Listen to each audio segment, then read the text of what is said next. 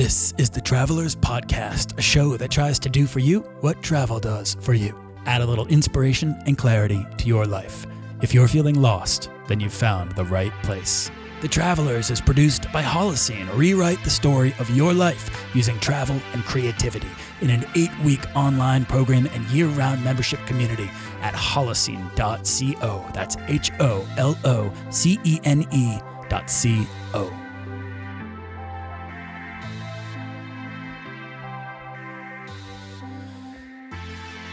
Welcome back to season three of The Travelers. This is episode seven. Um, in the previous six episodes, we spent three exploring resistance and three exploring curiosity, which are the first two stages of Holocene's transformative experience framework, which you can learn more about over at holocene.co. Uh, oh, uh, my name is Nathaniel Boyle, and I've spent the past five years researching transformative travel through over 500 interviews and case studies. And in this season, uh, I'm sharing what I've learned and uh, and what we're teaching over at holocene.co, which is a membership uh, and platform for curious, creative people seeking more adventure, travel, inspiration, uh, and clarity in uh, their lives. Today, we are talking about creativity.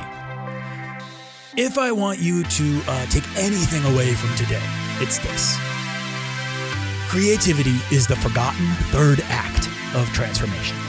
Okay, act one is resistance, which we overcome to enter curiosity, which is act two. The third and final act that is always overlooked, constantly, is creativity. Okay, bear with me here. There are two problems with this truth. First, uh, travel, it ends when you get home, right? The travel industry, you know, whether you're you're on a tour or taking an independent trip or you're on a cruise, it's not equipped to help you once your travels are over. Okay, and we'll talk more about that shortly. Second, the second problem here is the word uh, creativity is intimidating. Most people shy away. I wouldn't even be surprised if some people turned off this this podcast because I merely brought up the idea of creativity. But when I say the word creativity, you it's it's because you probably think about the creative arts, right? Like photographers, artists, writers, you know, but that's only part of what I'm talking about. Travel is creative because by traveling, we're creating the self, right? Everyone has the opportunity to be creative, whether that's through, you know, something traditionally artistic or something simpler, much more approachable, much more accessible to even people who do not consider themselves creatives, creatives such as uh, an, an intentional change in lifestyle, like a new diet or a new hobby or recreation. The point here is to carry forward the renewed sense of self that you reconnect with on your travels back into your life at home. And then to share this renewed clarity with other people. It's only by sharing your creativity that you will ever like find true and lasting transformation. Okay, I want to talk about something called ontological design. Okay, so you're probably asking Nathaniel, what is ontological design? Uh, what kind of crazy words are those? What is ontology? Okay, ontology is the study of being. Design is design. We all kind of know what design is. So, what if I here? Bear with me here. What if I uh, told you that the reason creativity is necessary for transformation is because our creative work is what changes us. Everything we as individuals or society design or create actually designs us back. Okay, there's an assistant professor at Texas Tech University whose name is Costa Brad, Bradatan. Uh, he's a writer um, and a philosopher.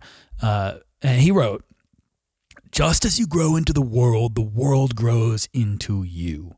Not only do you occupy a certain place, but that place in turn occupies you. Its culture shapes the way you see the world. Its language informs the way you think. Its customs structure you as a social being. Okay, so that means that there's like a feedback loop that exists between the world and your creative mind. Travel is a mirror. We keep saying it this season just to like hammer the point home. Uh, creativity is how we reflect our experiences back outward for others to see. The way they see that reflection is how we construct our identity. I am not who you think I am. I am not who I think I am. I am who I think you think I am. That interpretation of identity begins with the way in which we share our inspiration with others. What we create creates us in return. We become what we behold, says Terence McKenna, the philosopher. And it's even more amazing, if not like completely stupefying, when you uh, when what you behold is what you just created. Okay, in her book uh, Big Magic, Elizabeth Gilbert, the writer, says, uh, and I love Elizabeth Gilbert and her work. So she says, Your creative work is not your baby.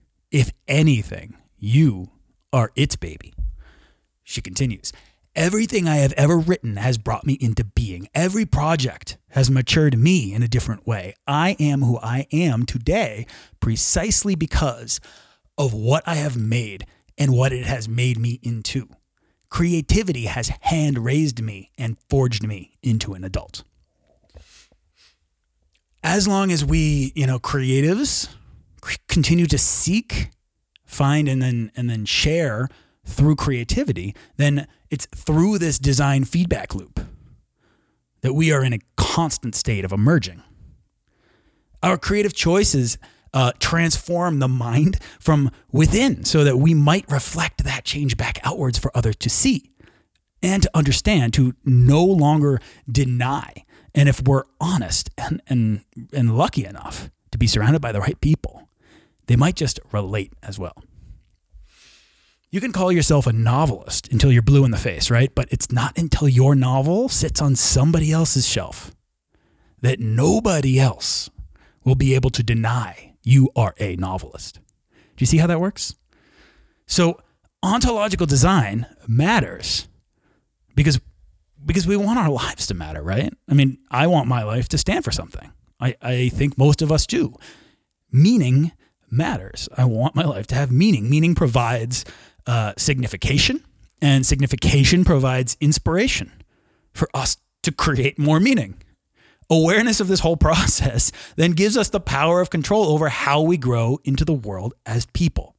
So we actually have autonomy over our personal growth, and we can use travel as a means to facilitate ontological design. However, we need to follow through creatively. Holocene is built around curiosity and creativity. And both of those words, you know, they are, they're kind of obscure, they're intimidating. But if you consider that we're talking about transformation, then of course it's going to take work, right? Like transformation doesn't just happen for you. People want to think that travel can be transformational and that just by simply going on a trip, it can change your life and you can come home changed. But transformation is not a byproduct of convenience. It's not something you can pay for. It's a result of conscious, intentional self work. The problem there is that it's not readily obvious to us how to do that.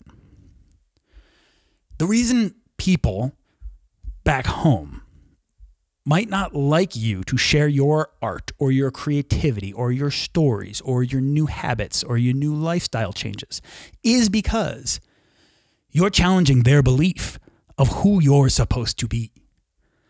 And that can be scary to do because we shape the foundations of our identity around how we see others seeing us, right? It creates insecurity for everyone when what you're saying to them, what you're sharing with them, is in stark contrast to their definitions and expectations for the role that you fill in their lives, the, the role they've cast for you to play in their lives.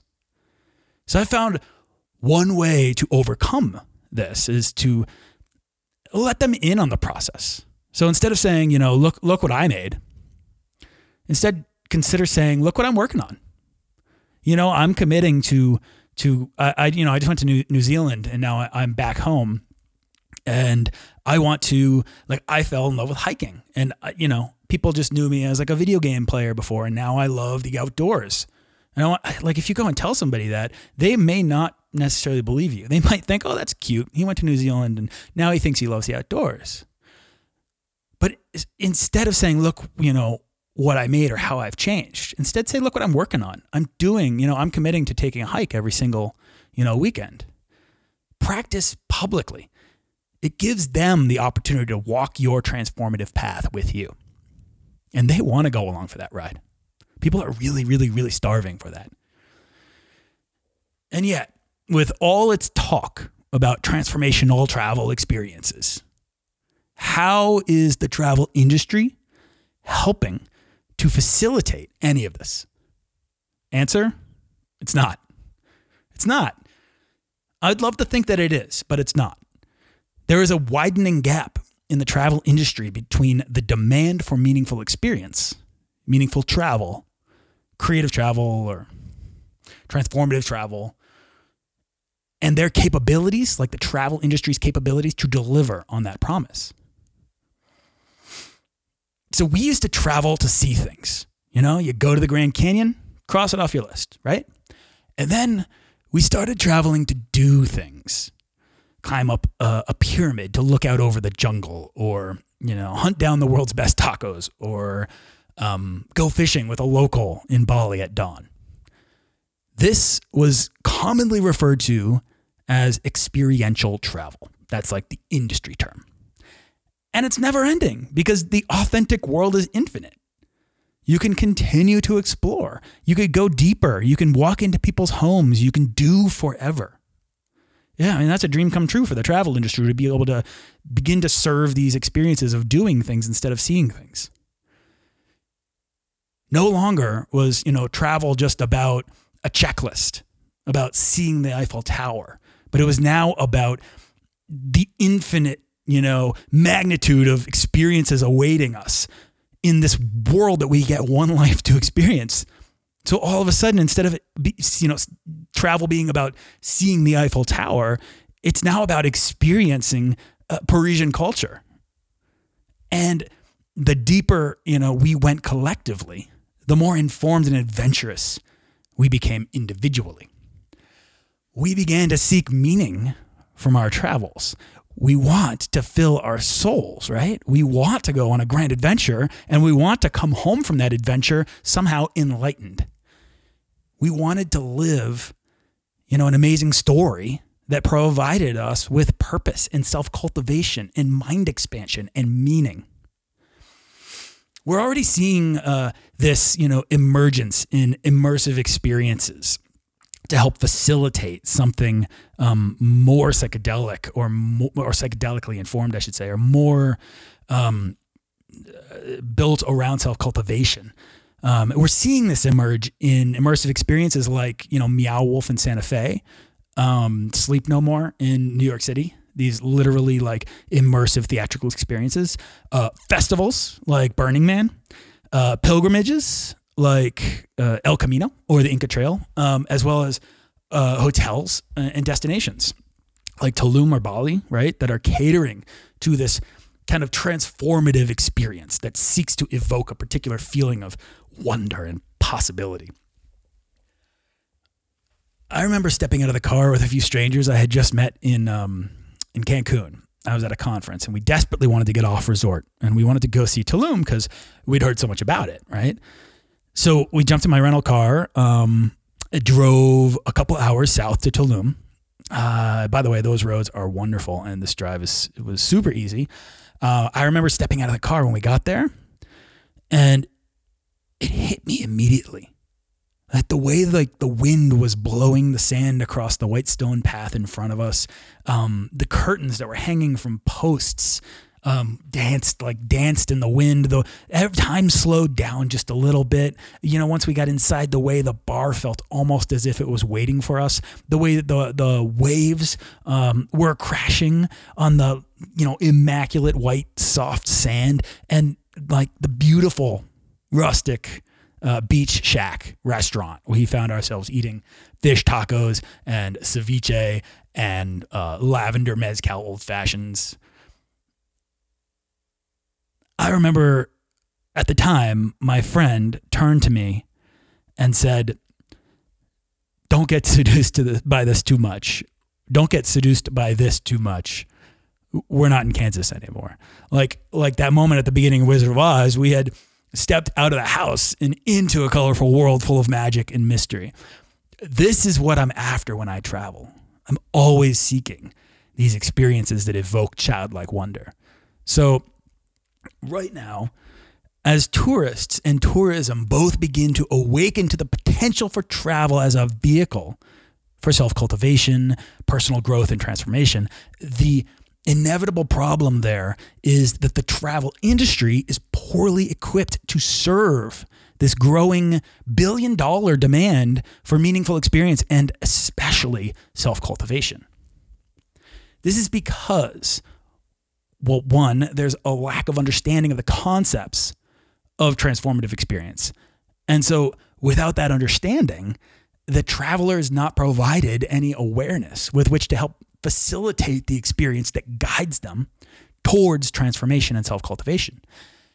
And secondly, the travel industry has no apparatus to continue the journey after the tourism product is complete right? All a tour company can can say, or a destination, or an airline, or a hotel can say at the end of your journey is, you know, I, I hope you enjoyed it and that you'll come visit us again soon. So long, and they send you on your way. And we, the travelers, return to our homes. And we, you know, the travelers return to our lives. And we, the travelers, begin to forget what it felt like on the road. As we put more time between ourselves and the travel world, we begin to forget what it felt like and what we felt like on that road. The clarity we found and the inspiration we brought home, potent as they are when you return, they slowly begin to fade. And instead of ever using the experience to cultivate ourselves through intentional ontological design, we go back to the beginning. We submit to resistance. At this point, it's creative resistance, and we return to the first act of the story we were living. Resistance pulls us back. And look, that's okay for some.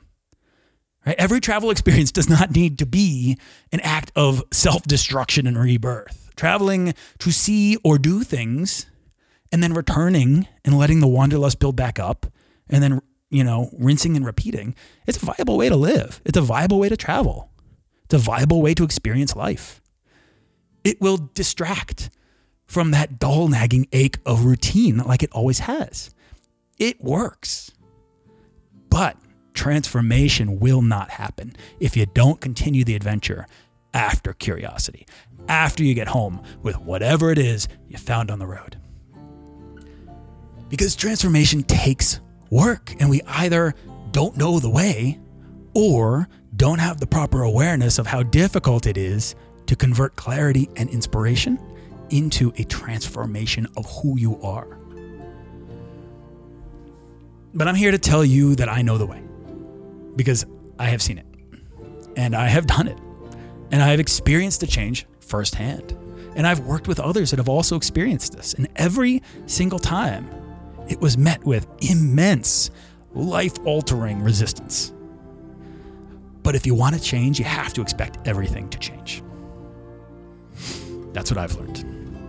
So we need to engineer wonder to put ourselves in the way of awe. We need landscapes that evoke that wonder. We need immersive theatrical design baked into our accommodations. We need an awareness of how all these elements come together to facilitate moments of profound clarity and inspiration. And we need the encouragement to carry these revelations home with us, you know, proudly, and the guidance to convert them into self cultivation. This is how creativity fits into the transformative experience. Creativity is the forgotten third act of transformative experience, and it's the final act of the Holocene framework. If you want to learn more, stay tuned for the rest of season three of The Travelers, or head on over to holocene.co and sign up to go on this adventure with us. Thanks for listening.